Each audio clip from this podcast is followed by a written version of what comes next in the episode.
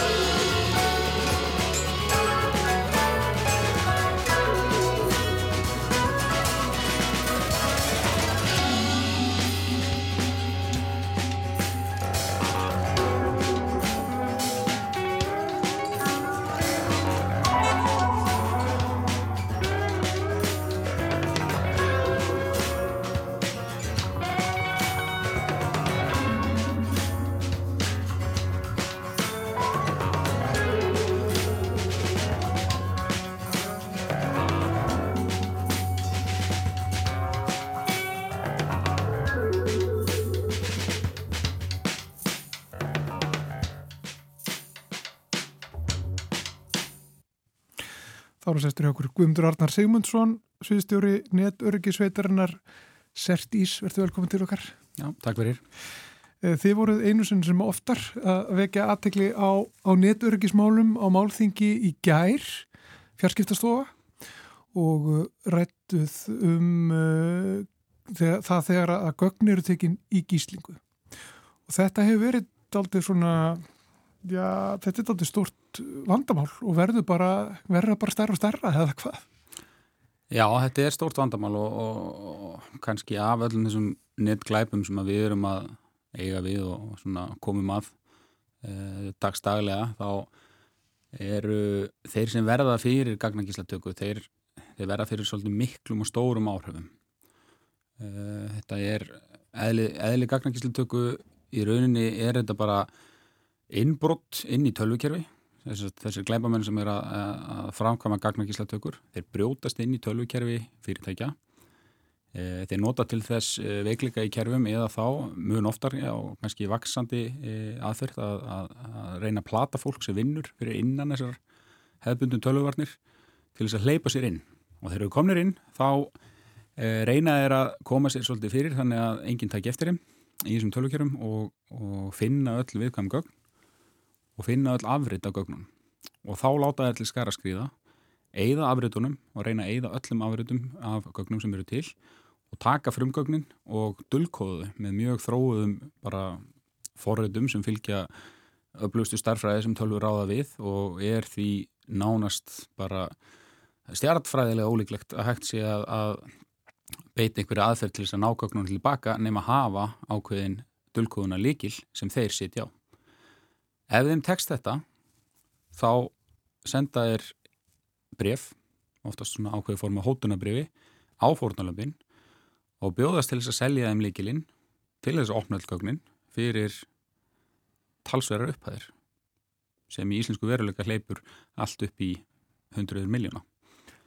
Hundruð miljóna? Já, Aha. og við, við, við, fengum dæmið mitt á þessari rástöfni gær, við vorum með með hérna sögur frá aðlunum sem að hafa lent í svona, þess svona aðtökum nýlega. Og þar byrja glæbamenninir á því að óska eftir nokkrum tögum miljóna og ef það verður greitt strax. En annars mun þetta hækka um nokkra 20 miljóna í viðbútt ef þið greiðið ekki strax.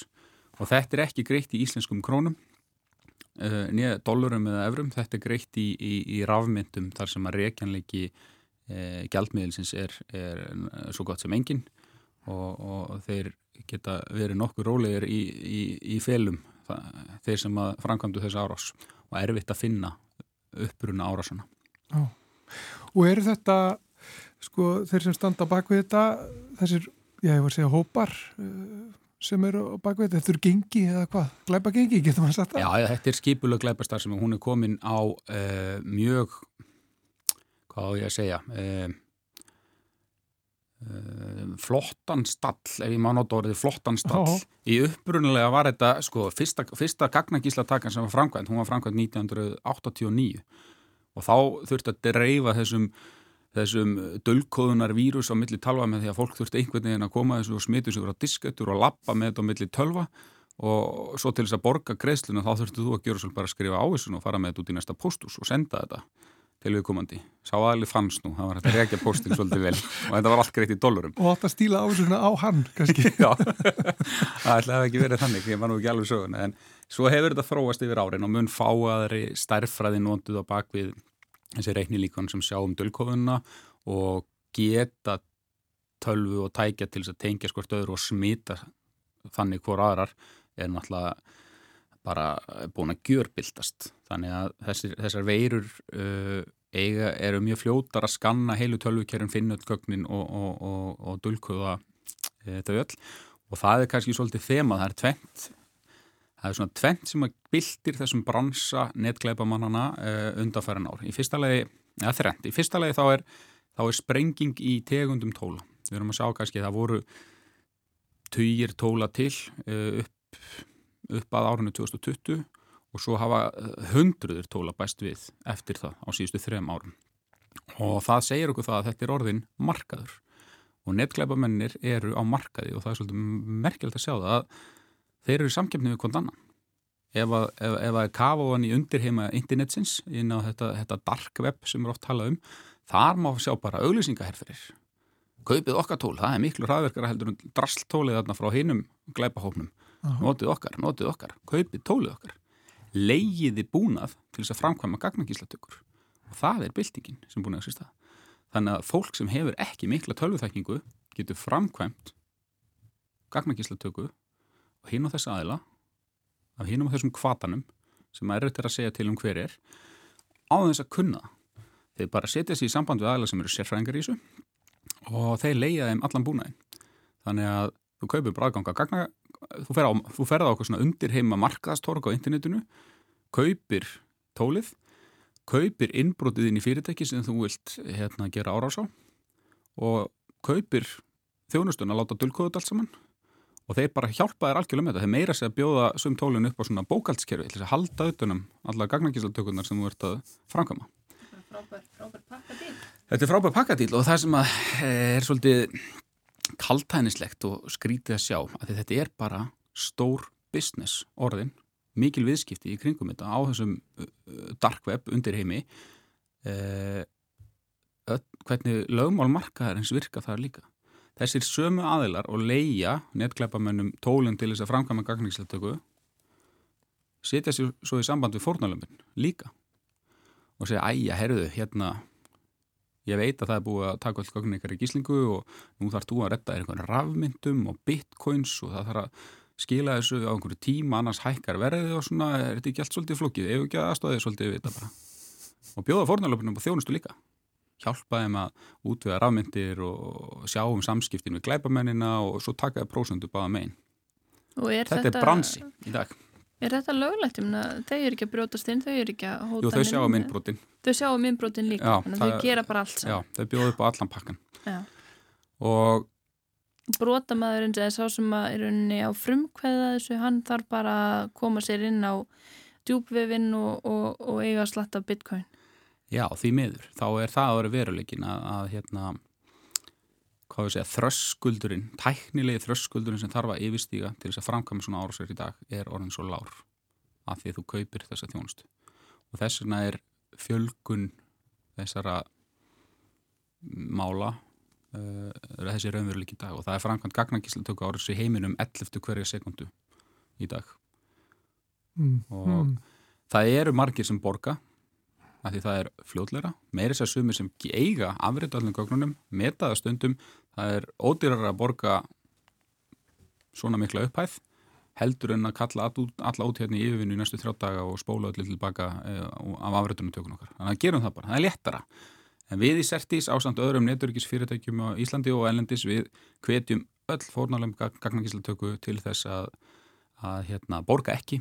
Það, e, það kynntir undir markaðin. Það er engin trygging fyrir að þú fáir líkil sem virkar og gagnin tilbaka og hérna rétt viðbröð eru að tilkynna þetta og leita sér faglegar aðstofar og fyrirbyggjandi ráðgefir sem þarf að fara í er, er hreinlega að tryggja að þú eigir afrið þannig að þú náður þessum gögnum tilbaka að þetta eru vinnugögn. Og hérna eiginlega allra starfsemi, við sitjum hér fyrir framann tölfur og ég er svolítið gaman að ég þegar ég fæ að fara í svona vettansheimsagnir hjá fyrirtækjum í, á landinu maður horfir yfir starfsemina og maður hefur ekki hugmyndum hvað fólk er að gera getur verið auðlýsingarstofa, einhverja semja músik eða klippa vídeo eða ferðarskristofa eitthvað, það sitja allir við tölfur sumir eru að búið auðlýsingu aðra eru ykkur bókaldi, það sitja allir við tölfur og hamar eitthvað á okkur líklaborð það eru allir að vinna með stafrangögn í dag. Uh. og þau eru geimtíkustar þannig að vinnustoppið sem verður í kringum gagnakíslutökur er mikið högg. Og það er bara tölfræðileg staðrind að 60% lítilla fyrirtæki sem verða fyrir gagnakíslutöku lenda í gjaldtrótti í framhaldi. Já. Stærri fyrirtækin ráða betur við þetta. Já, og, og eru þetta, eru öll fyrirtæki útsett? Þá yfir, sko, eru öll starfsemi e, þarna undir, sko? Er Já. það þá sem er að gera auðlisingarnar og og svo sem er að, að hérna, reyka eitthvað fyrirtæki út í bæ annars, annars konar fyrirtæki ferðarskristofu sem þetta, þessi fyrirtæki eru allir jafn útsett. Já, hann má hérna segja það. Og svo er bara álver og það er jafn útsett. Það er jafn útsett, uh, ég þekki ekki álbransan þannig en ég gef mér það. Jú, ég bara að taka dæmi um eitthvað stórt fyrirtæki. En sko. þú veist, afurinn þeirra er fysisk varan ál mm -hmm. en ég er alveg vissum að það veldur stórkoslu vandræðum að framlega álið ef að tölvukerfinn fara niður og köknin eh, eru tekinni gíslingu. Og þar sem að afurð vinnu leiðir af sér einhverja tegund af stafrænum gögnum, þau eru útsett fyrir þessu.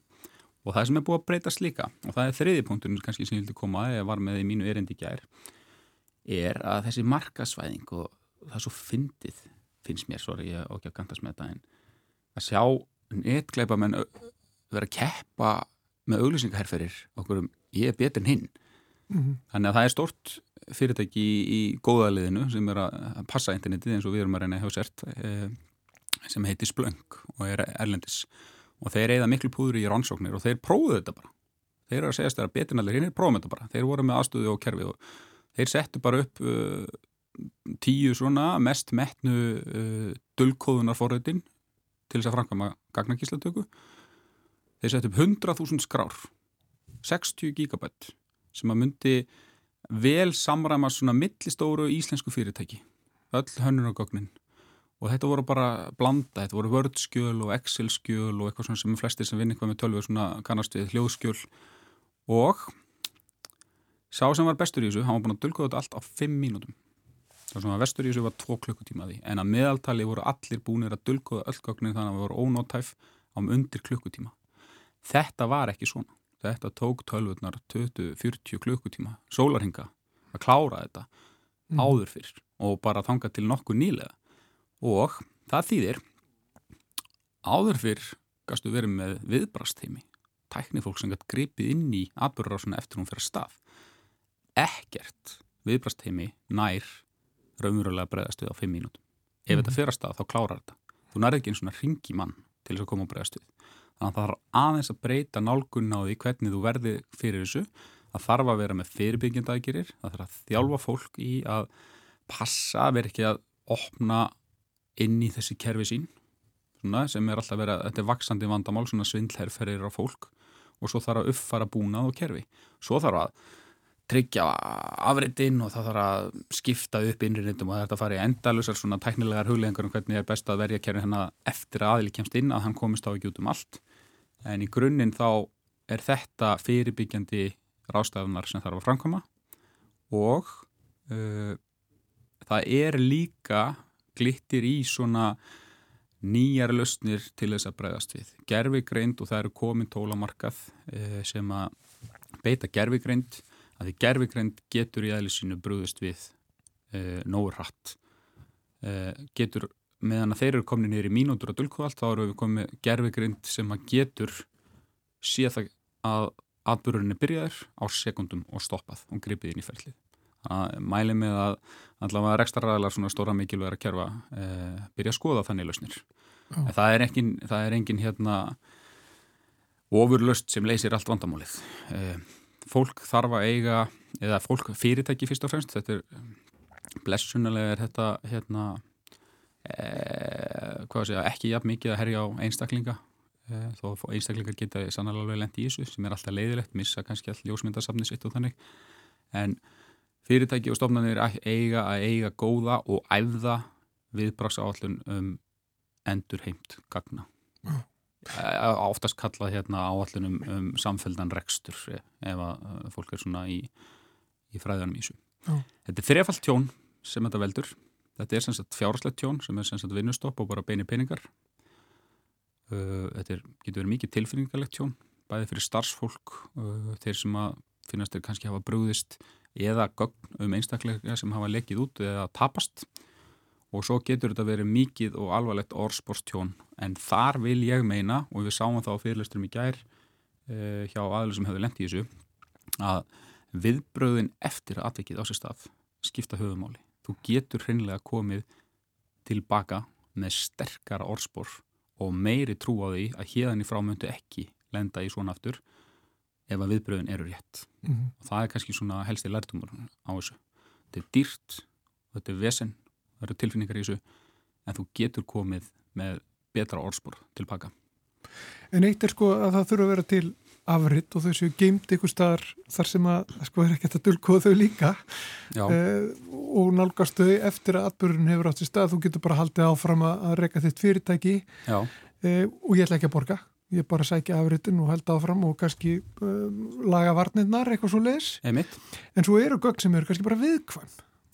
Uh, og þá er þetta svona um, já eins og fjárkún það er ef já. þú borgar ekki þá byrti þessi gögn og það getur við viðkvæm bara persónugreinileg gögn það getur verið markas gögn og svo framvegs og þetta er bara uh, mögulega með því alvarlegasta sem gerist í, í okkar bransa og þetta er alveg rétt og þetta hefur gæst og þetta hefur gæst á Íslandi. E, gögn lágu út og lausnagjalds var krafist og það var ekki greitt. Og, og í hótunni sagði ef þið borgi ekki þá setjum við gögnin ykkar bara fyrst á almenn markat og hvort ykkur aðri vilja kaupa þessu gögn. Og ef ekki þá ætlum við bara að gefa þau opinn hinn út á netið. Og þetta gerist. Og þetta verður gæst oft. Og þarna eru við að sjá gögnum veikindi og svona nefendur sem eru í erfiðleikum og allt talið til og fólk í sjálfsvíshugleðingum og það er bara virkilega viðkvæm gögn sem að þóla illa og eiga ekkert að vera fyrir almanna augum mm. á hennu opna interneti. En ykkar ráðlíkingar alltaf er sömu að borga ekki, samt sem áður? Samt, samt sem áður, já. Það er hérna... Uh, Við erum að eiga við þannig aðila að það er engin leið að vita eða það er engin trygging í því að e, greiðsla komi vekk fyrir þetta. Mm. Og mm, segurinn vinst í fyrirbyggjandi rástöðunum. Að stjórnkerfi upplýsingarteknikerfana ykkar e, vergi það að gögnin og sérstaklega viðkomastu gögnin þó þau leiki út og þá er erfitt að opna þau og þannig er það oftast gert. Fullt af gagnarleikum átt sér stað en allar viðkomar upplýsingar inn í þeim eru dullkóðar og, og má í rauninni segja starfræðin er allavega að verja okkur að þetta leiki ekki út, allavega ekki næstu 20 árin mm -hmm. það er svona þauðmalbötta reglan í þessu Hvað með tryggingafyrirtæki? Er þau ekki eitthvað farin að bjóða svona tryggingar gegn netsvíkun? Er það einhver laust? Jú, ég veit allavega til þess að eitt tryggingafélagi á Íslandi er byrjað að bjóða upp á tryggingar gegn einmitt, eh, það er til þess að eh, dekka fjárhagslega skadan eh, við það að lenda í svona eh, gagnakíslutöku og það er sérstaklega kannski fyrir minni fyrirtæki sem horfram ef við lendum í þessu þá eru 60% líkur og við verðum bara gældfrúta þá, þá hérna gæti e, trygging hérna verið ákveðið svona veit mhm. ákveð, ákveðna ákveð öryggi en það veitir einhver öryggi gegn því að gögnin tapist það er kannski, það mögum dekka hérna erfið tímabil fjáraslega og mm. svo er þetta ábyggjálflega metið á, á case per case, kakvart uh, milli og stærri fyrirtækjum mm. Og það er aldrei notað til að greiða hlustengjald að sjálfsögðu. Það er sem tryggir fyrir því. En, en bara rétt í lókinu um smástund sko eftir að það er það er þessi svikapóstar, tölum bara um annað það er þessi svikapóstar uh, og þetta, þessi netsvindl sem að sem að beinast uh, já, að einstakleikum líka, þetta voru fyrirtækin en, en það er líka þessir svikapóstar sem er alltaf að verða einhvern veginn uh, fullkonar og fullkonar ef maður getur notað það orð. Já, það er bara, þetta er búið að vera hálkinn pláa núna síðastlega mánuð. E, það er búið einhverjir hafa lagt miklu orku í það að, að herma vörumerki hérna, Stafrans Íslands Ísland.is og er að senda í nafni Íslands.is eh, auðkynningabeinir af fólk og byrja fólkum að lokka sér inn í Ísland.is og í leiðinni og á þess að við hefum ekki mikið tíma að fara inn eina tæknilega lýsingu þá nýtaði sér það og hafa geta nýtt sér það til þess að komast inn í heimabankafólks og, og stóli peningum. Og uh, þetta er ekkert við Ísland.is að sakast. Þetta er, þetta er í rauninni aflegging þess að þeir hafa verið kannski svolítið uh, eða þeim hefur verið að ganga vel. Að búið að færa marga ferla og þetta er, þetta er mun þekktara vörumerki heldur en bara fyrir nokkrum árum. Og þekkt og, og vörumerki sem fólk tristir trekkir að, að sér aðtegli netgleipa manna. Þannig að það bara brína til allra að ef það er verið að senda ykkur sérstaklega gegnum textaskilabóð, tölvupóstið, SMS eitthvað e, í nafni postfyrirtækja eða Ísland.is e, og byggja ykkur um að auðkenn ykkur inn í hitt eða þetta kerfi e, ekki íta á hlekkina sem koma þar og ef þið telja ykkur þurfa að vera að loka ykkur eins kerfi, farið þá á ykkar eigin fórsöndum inn í þessi kerfi opnið ykkar vafra og sláið inn Ísland.is í, í, í, í slóðina og ítið endur. Þá vitið að er að fara að rétta síðu. Er ekki að fara að síðu sem að lítur alveg út og slóðin lítur alveg út nema en staðin fyrir I er bara stort L eða lítið L Þannig að þetta útlýtslega lítur alveg eins út en þetta er allt önnur síða sem er hýst í útlöndum og þeir eru bara að vinna beint á heimasíðu netgleipamanna.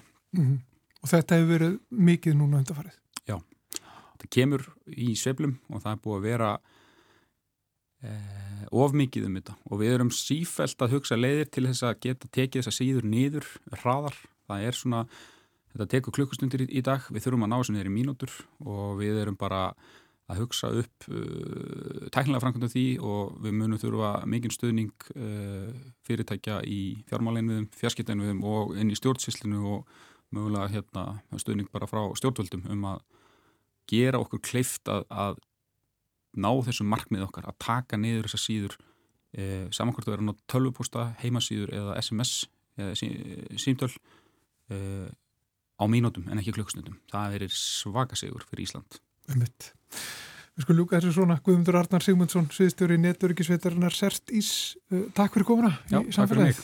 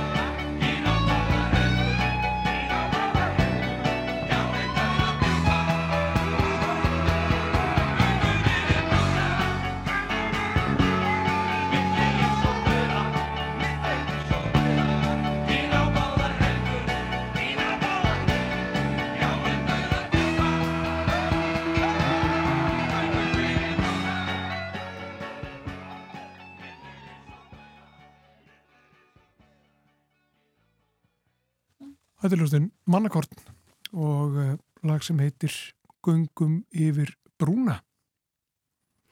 Og þá ætlum við aðeins að velta fyrir okkur veganisma á Íslandi. Það er vegan, alþjóðlegi vegan dagurinn í dag. Valgerður Árnundóttir, þú ert formaður samtaka grænkera á Íslandi. Já. Og í dag er svo kallar vegan dagur, alþjóðlegur vegan dagur. Þessi dagur, hversu lengi hefur hann verið haldinn hátilegur? Herði ég nú bara ekki alveg með á hreinum. Ég held að sé svona 5-6 ár síðan að uh, þessi dagur var settur á. Uh, en allavega þá hefum við verið að halda upp á hann á Íslandi svona í 5 eða 6 ár. Og já, vegan, það að vera vegan, það er svona kannski, ég myndi leið mér að fullera að það hljóta eila flestir hér á landi að vita hvað það er, er núna, er það ekki? Jú, ég hugsa það. Það er uh, náttúrulega bara mjög einfalt. Við uh, reynum að forðast eftir fremsta megni að nýta dýra afurður, hvort sem að það er til fæðu eða klæðnaðar eða, eða að, að hérna, borga fyrir að skoða dýr okkur til skemmtunar eða þau séu nýtt okkur til skemmtunar. Þannig að hústýragarðurinn, hann er ekki, ekki vegan? Hann er ekki vegan, nei. Svona baráttu málinn í dag og svona áherslu máli ykkar í dag, hafa þið breyst mikið frá því að þið fóruð fyrst að halda upp á þennan dag fyrir, fyrir 5-6 árum? Uh, já, þau hafa breyst. Baráttu málinn okkar í samtöku grænkjara voru til að byrja með að auka vöruúrval á grænkjara fæði í verslunum. Uh, við eiginlega náðum þeim áfanga bara fyrir svona þrem árum að nú er rosalega gott úrval af hérna grænkjara fæði og veganfæði í verslunum en það hefur kannski haldið áframsamt að, að við erum að auðvitað vekja aðtegli á aðstæðu dýra í dýraeldi eh, og hérna fá fólk kannski til þess að vera meira meðvitað um hvað það er að kaupa þegar það kaupir kjöt eða egg eða mjölk. Og svo hefur þetta líka breyst mikið vegna þess að nú vitum við meirum umhverfis áhrif dýra afrið yðnaðarins. Við vitum hversu mikið hann mingar og hversu gott það er fyrir umhverfið ef að við borðum minna af uh, dýraafyrðum. Þannig að það er svona áhersluðnar í, í dag? Já Meira. og samkvæmt sko, skoðanakönnum sem var gerði fyrra af Gallup þá hérna uh, eru yfir, eða þú veist, já ég held að tæp 60% af þeim sem eru grænkjærar í dag eru það vegna umhverfs ástæðina og um 30% eru það vegna dýravelferðar ástæða. Þannig að þetta hefur svolítið breyst, svona til að byrja með þá varð fólk vegan ymitt vegna þess að þau hafði samúð með dýrum og vissu hvað gengi á í dýraafræðinaði. En svo hefur þetta svolítið breyst með svona vitund fólksum umhverfi og lofslagsmál. En þú nefndir að, að úrvalið, úrvalið af vegan mat og, og frambóði hafi, hafi aukist mikið en, en nú var það samt þannig að vegan búðin sem að mér skilst að hafi verið svona svo eina sinna tegundar bara, ég veit ekki hvort það var í Evrópu eða, eða hvað hún lokaði á dögunum. Já, nei, hún var nú ekki svo eina sinna tegundar í Evrópu en hún var stæst á tímabili. Já, það? Stærsta veganverslun í Evrópu. Uh, en það er kannski yfir skýrist af því, hún lokar kannski mikið til vegna þess að úrvalið í öðrum stórverslunum er svo gott að það þarf ekki að fara í sér verslun til þess að versla vegan mat og vörur. Annars skils mér að, að þetta hafi sérstaklega verið samt vegna þess að leigusali hækkaði leiguna tvöfall og veganbúðin er sannlega til ennþá. Hún er bara í miklu minnu sniði. Hún er ofin um helgar í kólaportinu og vonandi bara finnst annað húsnaði svo að þessi rekstur geti haldið áfram með þess að veganbúðin var og er með vörur sem að fást ekki í öðru næstunum. Svona sérvöru sem við saknum allavega sem erum grænkjærast.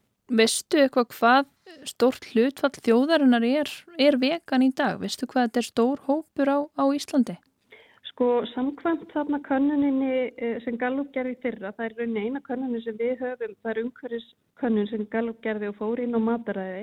E, þá samkvæmt henni var árið 2022 um 3% sem voru alveg grænkjörar sem að borða enga dýraafyrðir en svo voru alveg sko ef maður sérstaklega tekur aldurshópa þá voru 30% fólksaldri um 18-29 ára sem borðar ekki kjöð en það borðar kannski aðrar dýra afyrður eins og mjölk og, og hérna egg og hunang og svo leis.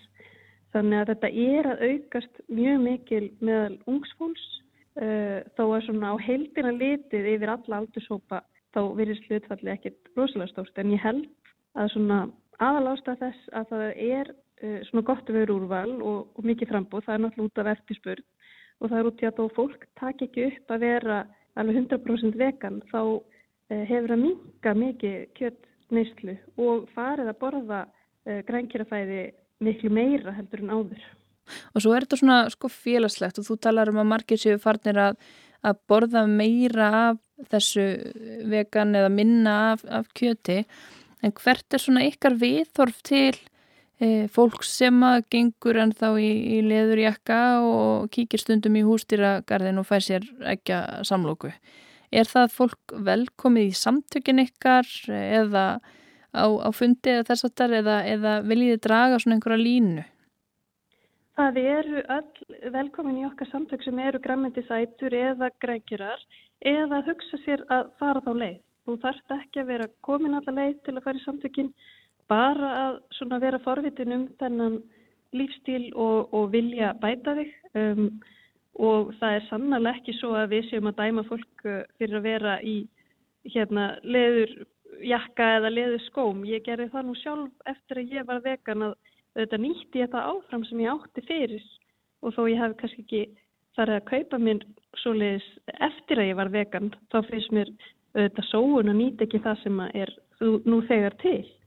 E, þannig að nei, ég myndi ekki segja að við værum að dæma fólk. Við hefum öll uh, nánast sem að erum í þessu samtökum áður verið kjötætur og, og, hérna, og erum uh, ekki einhver lokaði félagskapur fólk sem að Eh, er í því að dæma aðra heldur bara vekja aðtegli á uh, þennan yðnað, dýraverðiðinaðin og svona reyna að fá fólk til þess að opna augun uh, hvernig, uh, um velferð dýra og annað og umhverfið auðvitað. Þannig að nei, það eru allir velkomnis og, og, og, og það verður engin hérna seimaður, svo ég sletti nú fyrir að mæta í leðjakka eða í leðuskom. Og þeir eru með bóð í kvöld, svona pálínu bóð þar sem að fólk er hvað til þess að koma með, með vegan rétti þess að fagna þessum degi. Já, við erum alltaf, við fagnum þessum degi með því að hafa pálínu bóð og reyndar hafum við pálínu bóð á öðrum tímum ás líka en þetta er svona bara leið fyrir okkar félagsmenn að hittast og líka fyrir nýtt fólk sem er forvitið að koma og smakka á vegan réttum. Eh, og eina skilir er bara að koma með eitt rétt eða bakkelsi á hlaðborðið og hérna og auðvitað er þetta svona örugt uh, umhverfi fyrir fólk sem er með áhuga á þessu og, og líka fyrir grænkir að koma saman. Uh, og geta, þú veist, það er náttúrulega mjög sjálfgeft til dæmis að við getum mætt í þermingavislu eða ammaliðsvislu út í bæ og, og geta bræðað á öllu sem er á hlaðborðinu en uh, í kvöld þá getum við notið þess að við getum bræðað á öllu sem er á hlaðborðinu og, og hérna noti þess. Og svona þú nefnir fermingaveislunar og, og svona þetta, þetta samfélagslega e, er, er eitthvað búið að breyta svona hvað varðar stöð þeirra sem eru vegan í samfélaginu? Eru, eru ennþá fordómar eða er fólk ennþá kannski líka bara híkandi og óvist og svona stressað yfir því að einhver sé vegan? Já, ég auðvitað eru enn fordómar þó er hafið minkað. Um, og hérna, ég hef fundið rosalega mikið mun. Ég er núna búin að vera vegan í 8 ár og mér finnst sko með aukinni vitund um hvað veganismi er þá minka auðvitað fordómarnir og líka það að sko hérna áður fyrir þá gerði ég bara enga kröf um að, að ég fengi eitthvað í veislum. Ég bara bjóst ekki við því að, að nefn hugsaði til mín þegar ég mætti veislu. Eh, en það hefur mikið breyst og mér finnst fólk svona meðvitaður um já nú er ég að bjóða grænkjara í veislu til mín auðvitað verði ég að hafa eitthvað á bóðstólum. Eh, það er allan að fara að vera mjög sjálfgeft í mínu lífi og mínu nánustu að, að hérna, það sé ekkit hugsa til okkar. En auðvitað er misjátt hversu mikla kröfum að gerir á, á, á, í kringu sig en, en mér finnst gott fyrir fólk að hugsa það svona, uh, ég veit til dæmis um fólk sem er með mjölkuróþól og eggjaóþól og það er einhvern veginn alltaf gert tillit til þeirra bæði í skólakerfinu og, og hérna og í veislum. En það er svona eins og það sé ennþá smá kerkja sem sumur fólki að gera tillit til grænkjara að það bjóði jafnvel grænkjara í veislu en hefur ekkert á bóðstólnum sem það myndi ekki gera að vera að bjóða manneski í veislu sem væri bara með ofnami fyrir mjölk og eggjum. Þannig að þetta er ennþá svona svolítið og sérstaklega fyrir veganbötni í skóla að það er svolítið leðilegt fyrir þau að þau þurfa að skila inn læknisvottur um að þau séu með óþólega ofnami til þess að fá vegan fæði og það er náttúrulega mjög ósangjart vegna þess að þetta er náttúrulega bara þeirra lífskoðun að borða ekki dýr og dýraafurðir og ætti að vera virt rétt eins og trúabröð eru virt og aðra lífskoðanir.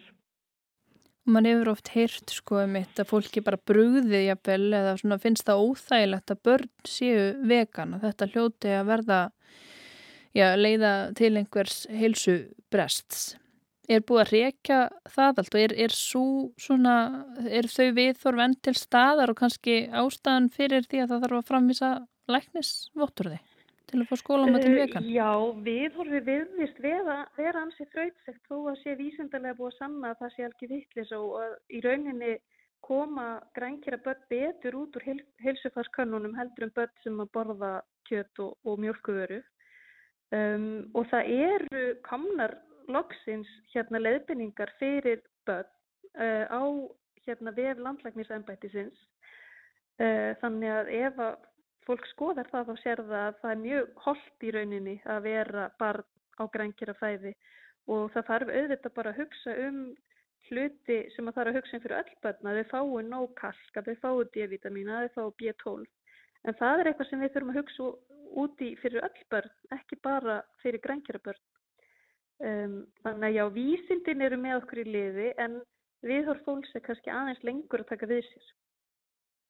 Eitt að lókum valgjörra því að nú hefur svolítið verið fjallað um gjör unnin matvæli og þá hafa verið tekinn dæmi af ýmsum svona veganvörum, svona tilbúnum réttum, eh, einhverju umfi og, sojakjöti og sojanöggum og svona. Veganmatur er vantilega ekki að saman veganmatur. Er, er þetta sko að þau vorum að tala um bara frambóðið og hvað verið til, er þetta vandamál í dag að mikið af veganmat sem að er kannski eftir að nálgast í búðum sé mjög óhóllur og þá meiri pressa fólk að vera elda sjálft? Uh, nei, þetta er í rauninni áróður frá náttúrulega uh, þeim sem að lifa af kjött inn og, og, og rekta kjött. Um, það er í rauninni minna af uh, aukaefnum í flestri, flestri matvöru sem er vegan heldur en er í kjöti. Ef fólk skoða það þá er náttúrulega mjög mikið af aukaefnum sett í kjött til þess að það rotni síður til dæmis í kjöttborðinu Dýrunum eru auðvitað gefið líka síklarlif sem er eitt stærsta heilsufarsvandamál heims í dag, síklarlifi ónæmi sem kemur upp uh, aðalega vegna þess að dýrum er gefin síklarlif. Um, og svo eru auðvitað í vinsluferli kjöts og mjölkur uh, bætt við alls konar efnum. Uh, fyrir utan að náttúrulega mjölk er mjög hormónarík sem er ekki gott fyrir hérna bæði konur út af því að það eigur líkur á brjóstakrappamenni og, og líka fyrir stráka sem að uh, hérna geta frekar orðið ofrjóir af því að drekka mikið af mjölkuvöru.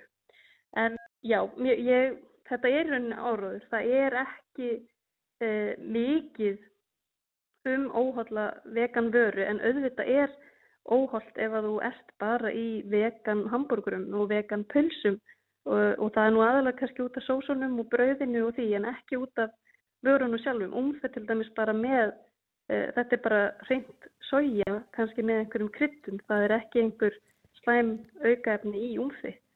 En auðvitað er alltaf andstað við eitthvað sem er nýtt frá þeim sem fyrir er á markaði og þess vegna er svona áróður e, búin til. En ef fólk skoðar þetta betur þá, veist, á þetta ekki stóð í raunveruleikanum. Einmitt, takk fyrir spjallið, þetta var áhugavert og við þetta hvetjum bara þau sem eru áhugasum að, að kíkja í, í Pálinu bóðið í kvöld. Það er hvað í? Það er í bókasamlæginu í skipolti 19 klukkan 6 til 8. Höfum þetta snemma einmitt vegna þess að e, marg börn eru með háttatíma um áttaleitið og, og þetta er badvæti viðbörður og, og, og öll velkomin. Og við verum líka að veita kvartningavelun samtaka grenkir í kvöld og það er líka svona frekar hátilegt og skemmtilegt að gera það. Takk fyrir þetta Valgerður Arnandóttir. Takk sem ég leiðis.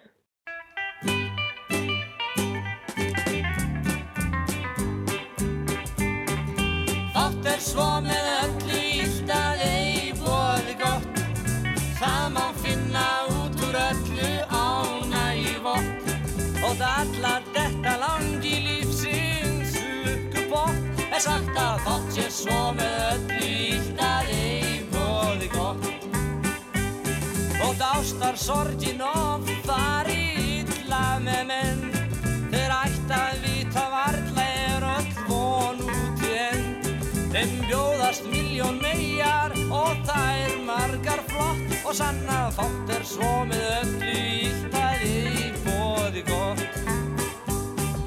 Fátt er svo með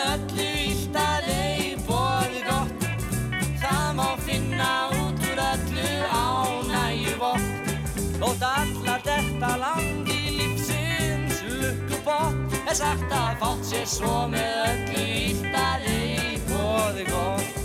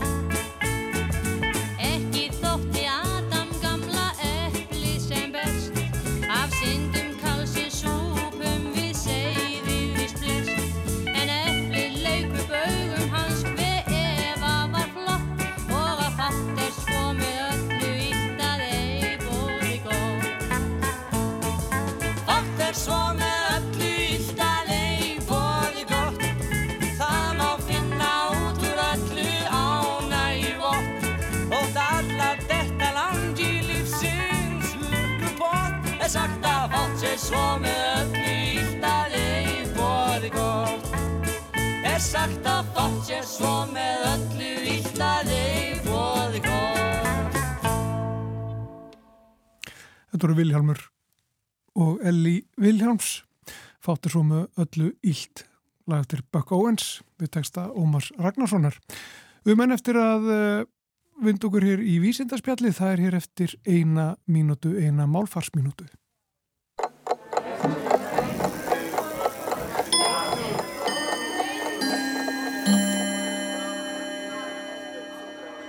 Stálp er nýtt orð í íslensku. Það heyrist ekki oft, allavega ekki enn sem komið er og merking þess er mörgum framandi. Merking orðsins stálp er sambærileg við merkingu orðana stelpa eða stúlka og strákur eða drengur. Það er orð sem haft er um kynnsegin, börn og ungmenni. Orðið stálp beigist eins og orðið járn. Nú eða eins og hár sem beigist aftur á móti eins og orðið kvár sem er sambærilegt orð og stálp en er notað um fullorðið kynnsegin fólk. Það er oft gaglegt að nota hjálpartæki eins og beigingu og merkingu sambærilegra orða til að temja sér réttan notkun nýra orða. Til dæmis til að muna hvernig á að beigja orðin stálp og kvár og hvernig á að nota þau.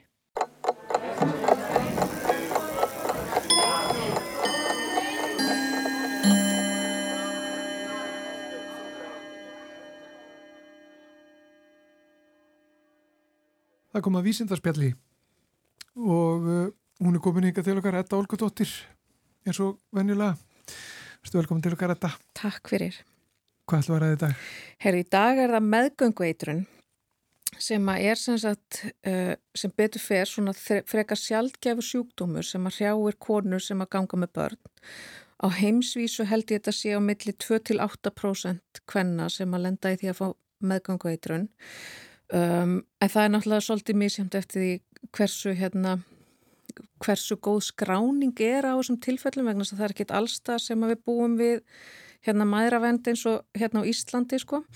Þannig að þetta er svona aðeins á reiki þessar tölur en þetta er ekki mjög algengu sjúkdómur þrátt fyrir það og hann lýsir sér sem sagt þannig að konur hérna upplifa uh, fá hækkan blóðþrýsting eða prótín í þvægi og, og hérna ástæðan er í raun og veru algjörlega óþægt og við vitum ekkert af hverju þetta gerist en í maðuravend að þá er alltaf verið að skima eftir svona ákveðnum þáttum til þess að grípa inn í ef eitthvað skildi vera að gerast.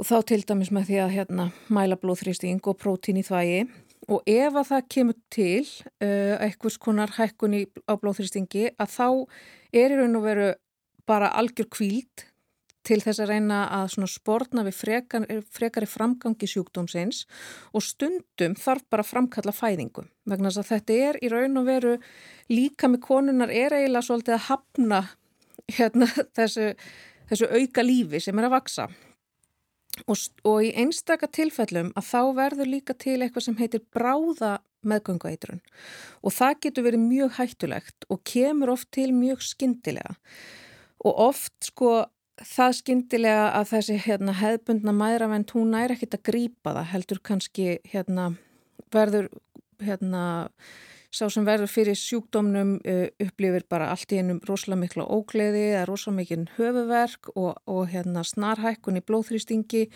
og þar þarf ofta að grýpa bara mjög hratt inn í til þess að halda að minnstakosti öðrum einstaklingnum á lífi.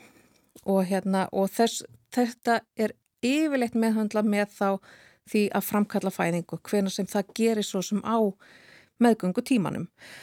Um, meðgöngueitum kemur samt yfirleitt ekki fram fyrir en á setni tímum meðgöngunar. Þannig að svona hérna lífslíkur bassins eru yfirleitt mjög góðar en ekkit alveg alltaf því, miður. Og það er rosalega skrítið eitt að við hérna, þekkjum ekkert hvaða er sem að er þarna býrana bakvið en það eru ákveðna rannsóknir sem að gefa vísbendingar um það að það sé fylgni á milli þess að fá meðgöngueitrun og þá hvort sem að það er sem hérna, móðir eða sem barn og fá svo setna á lífsleðinni einhvers konar vitglöp, til dæmis allsami sjúkdóm. Og hérna, þannig að þeir sem að lenda í meðgöngueitrun eru líkleri til þess að þróa með sér Alzheimer's. Og hérna þetta og líka það að, hérna, að það verður ákveðin svona það sem að ég kannski kalla bara á íslensku prótín óreiða í meðgöngu eitrun að það gefur svona pínu vísbendingar um það að þarna sé eitthvað bara líkt að gerast það sem gerist við meðgöngu eitrun og það sem gerist í Alzheimer's og út frá því að þá var ansóknarhópur sem að fóra að skoða sko hvort að hérna táprótinið væri mögulega til staðar í hérna blóði eða fylgjusínum hjá konum sem hafði fengið meðgangætrun og þeir sem hafa hérna kannski hlusta á marga písla þekkja þetta hérna nafn á þessu prótíni, táprótín vegna þess að það kemur mjög oft við sögu í Alzheimer's sjúkdónum og þegar að hérna Alzheimer's hérna er að þróast að þá falla út táprótín svona flækjur í heilanum og valda því að heilin getur ekki starfað eins og hann ætti að gera. Og þau eru sem sagt að setja upp fram þessa tilgándu að mögulega sé þarna sama prótín að verki að, um, í meðgöngu eitrun og líka í allsami sjúkdónu. Og það sem að þau gera er að þau fá fylgjusíni frá hérna um það byrj 30 konum sem að þá verða, útsetta, verða fyrir meðgöngu eitrun og svo líka kontrólhóp. Þannig að það er að bera saman uh, táprótinið og þá í raun og veru ummyndað, hérna, ummyndað eintak af táprótininu vegna þess að táprótinið er sko til staðar í öllum, okkur öllum og það er hluti af því sem að hérna, gerir það verkum að heilin í okkur starfar og líka með nokkar starfar er að við erum með heilbritt táprótin. En svo í sumum tilfellum að þá verður einhver ummyndun, einhver breyting á því og það fyrir að falla út og það virkar líka svolítið, sko, það, hérna, þegar að prótinu fyrir að falla út þá hvetur það áfram útfellingar á öðrum táprótinum. Þannig að það virkar svona eins og príóni. Þannig að það er svona, hérna, það verður eitthvað svona ringgrá sem er óbúslega erfitt að stoppa. Og þegar þau bera saman þessi fylgjusíni úr sagt, e, fylgjum þar sem hefur orðið meðgöngu eitrun og þar sem ekki hefur orðið, að þá sjáðu að það er miklu meira af ummyndum táprótinum hjá konum sem að hafa orðið fyrir með, meðgöngu eitrun heldur en ekki. Og þau skoða þá líka á sama tíma prótín sem heitir PIN1 og það er svona hérna, stjórnunarprótín á táprótinið og það stjórnar því hvort að táprótinið virkjast og ef að pinn 1 fer eitthvað úr skorðum að þá getur það ofvirkjað táprótini þannig að það fer að ummyndast líka. Og þau sjá að, að það er sama fylgni hérna á milli. Að þegar þú ert með fylgjusíni úr hérna, meðgöngu eitrun að þá eru hérna, er pinn einn líka ekki að starfa eins og það á að starfa. Þannig að þessi tvö prótín sem að saman geta sett að stað þessa ringgrás af hérna, breyttum táprótinum að þau eru til staðar í fylgjum þar sem að hérna, meðgöngu eitrun hefur átt sér staða. Og til þess að sannreina þetta ennþá frekar að þá eru þau með erðabreittar mís þar sem þau eru búin að setja inn hérna, manna táprótin inn í mísnar og þær eru sem sagt ófrískar að ganga með unga og svo setju þau hindra á pinn einn hérna prótinið þannig að það virkar ekki eins og það á að virka og þegar þau gera það að þá koma fram uh, meðgöngu eitrunar einkenni hjá músunum. Það er að segja að hækkaðu blóðþrýstingur og hérna prótin í þvægi sem að þeim tekst svo aftur að snúa tilbaka þegar þau gefa músunum mótefni gegn táprótíninu. Þannig að þannig eru þau svona svolítið, þetta er allavega að gefa mjög sterkar vísbendingar um það að táprótínið er að spila stóra rullu í meðgöngueitrun og ekki bara það að, að, hérna, að það spila stóra rullu, heldur líka að við getum nota það til þess að meðhöndla meðgöngueitrunina. Þannig í staðin fyrir að framkalla fæðingu sem að, hérna, er kannski ekki tímabær, að þá væri hægt að gefa mótefni gegn þessu prótíni. Og mögulega líka fylgjast með sko táprótíni í blóði mæðra eða eitthvað slíkt á meðan meðgangustendur til þess að fylgjast með því hvort að eitthvað sé að gerast í staðin fyrir að hérna og það myndi mögulega hjálpa þeim konum sem að hérna eru útsettar fyrir bráðameðgöngueitrun vegna að þar eru kannski engar vísbendingar fyrir en bara hérna sjúkdómurinn skellur á en mögulega myndi við geta mælt hækkun á þessu prótíni ef við verðum að fylgjast með því. Þannig að það er mjög áhugavert. Og, og þetta vekur, vekur einhverjar svona vonir um það að það sé hægt að, að já, það getur orðið til einhvers konar meðferð? Já, algjörlega. En þetta er náttúrulega hérna svona fyrstu vísbendingar og maður þarf alltaf að stíða svolítið varlega til jarðar að það þarf fyrst að hérna sannreina og þannig eru við með sko 30 konur, eða þrjá, síni úr 30 konum sem er opbóslega lítið úrtak þegar svona í stóra samhenginu sko og það þarf náttúrulega fyrst og fremst að sannreina þetta í miklu, miklu stærra úrtaki og svo gera þá e, sambærlega rannsóknir á mönnum eða mannafrömmum af því að nú erum við bara með þessar hérna, tilraunir í músum.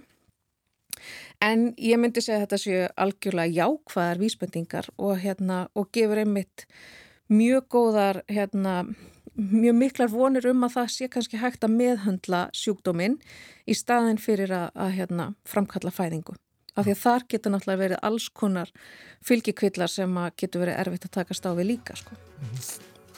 Ég myndi að, þetta var alveg dóttir Takk fyrir komuna í samfélagið. Takk fyrir mig. Og uh, með vísendarspjalli Ettu Olgudóttur uh, líkur samfélaginu í dag? Já, þennan miðvíkudag 1. november og við heyrumst aftur á morgun. Guðmundur og Arnildur þakka fyrir sig. Með Rísal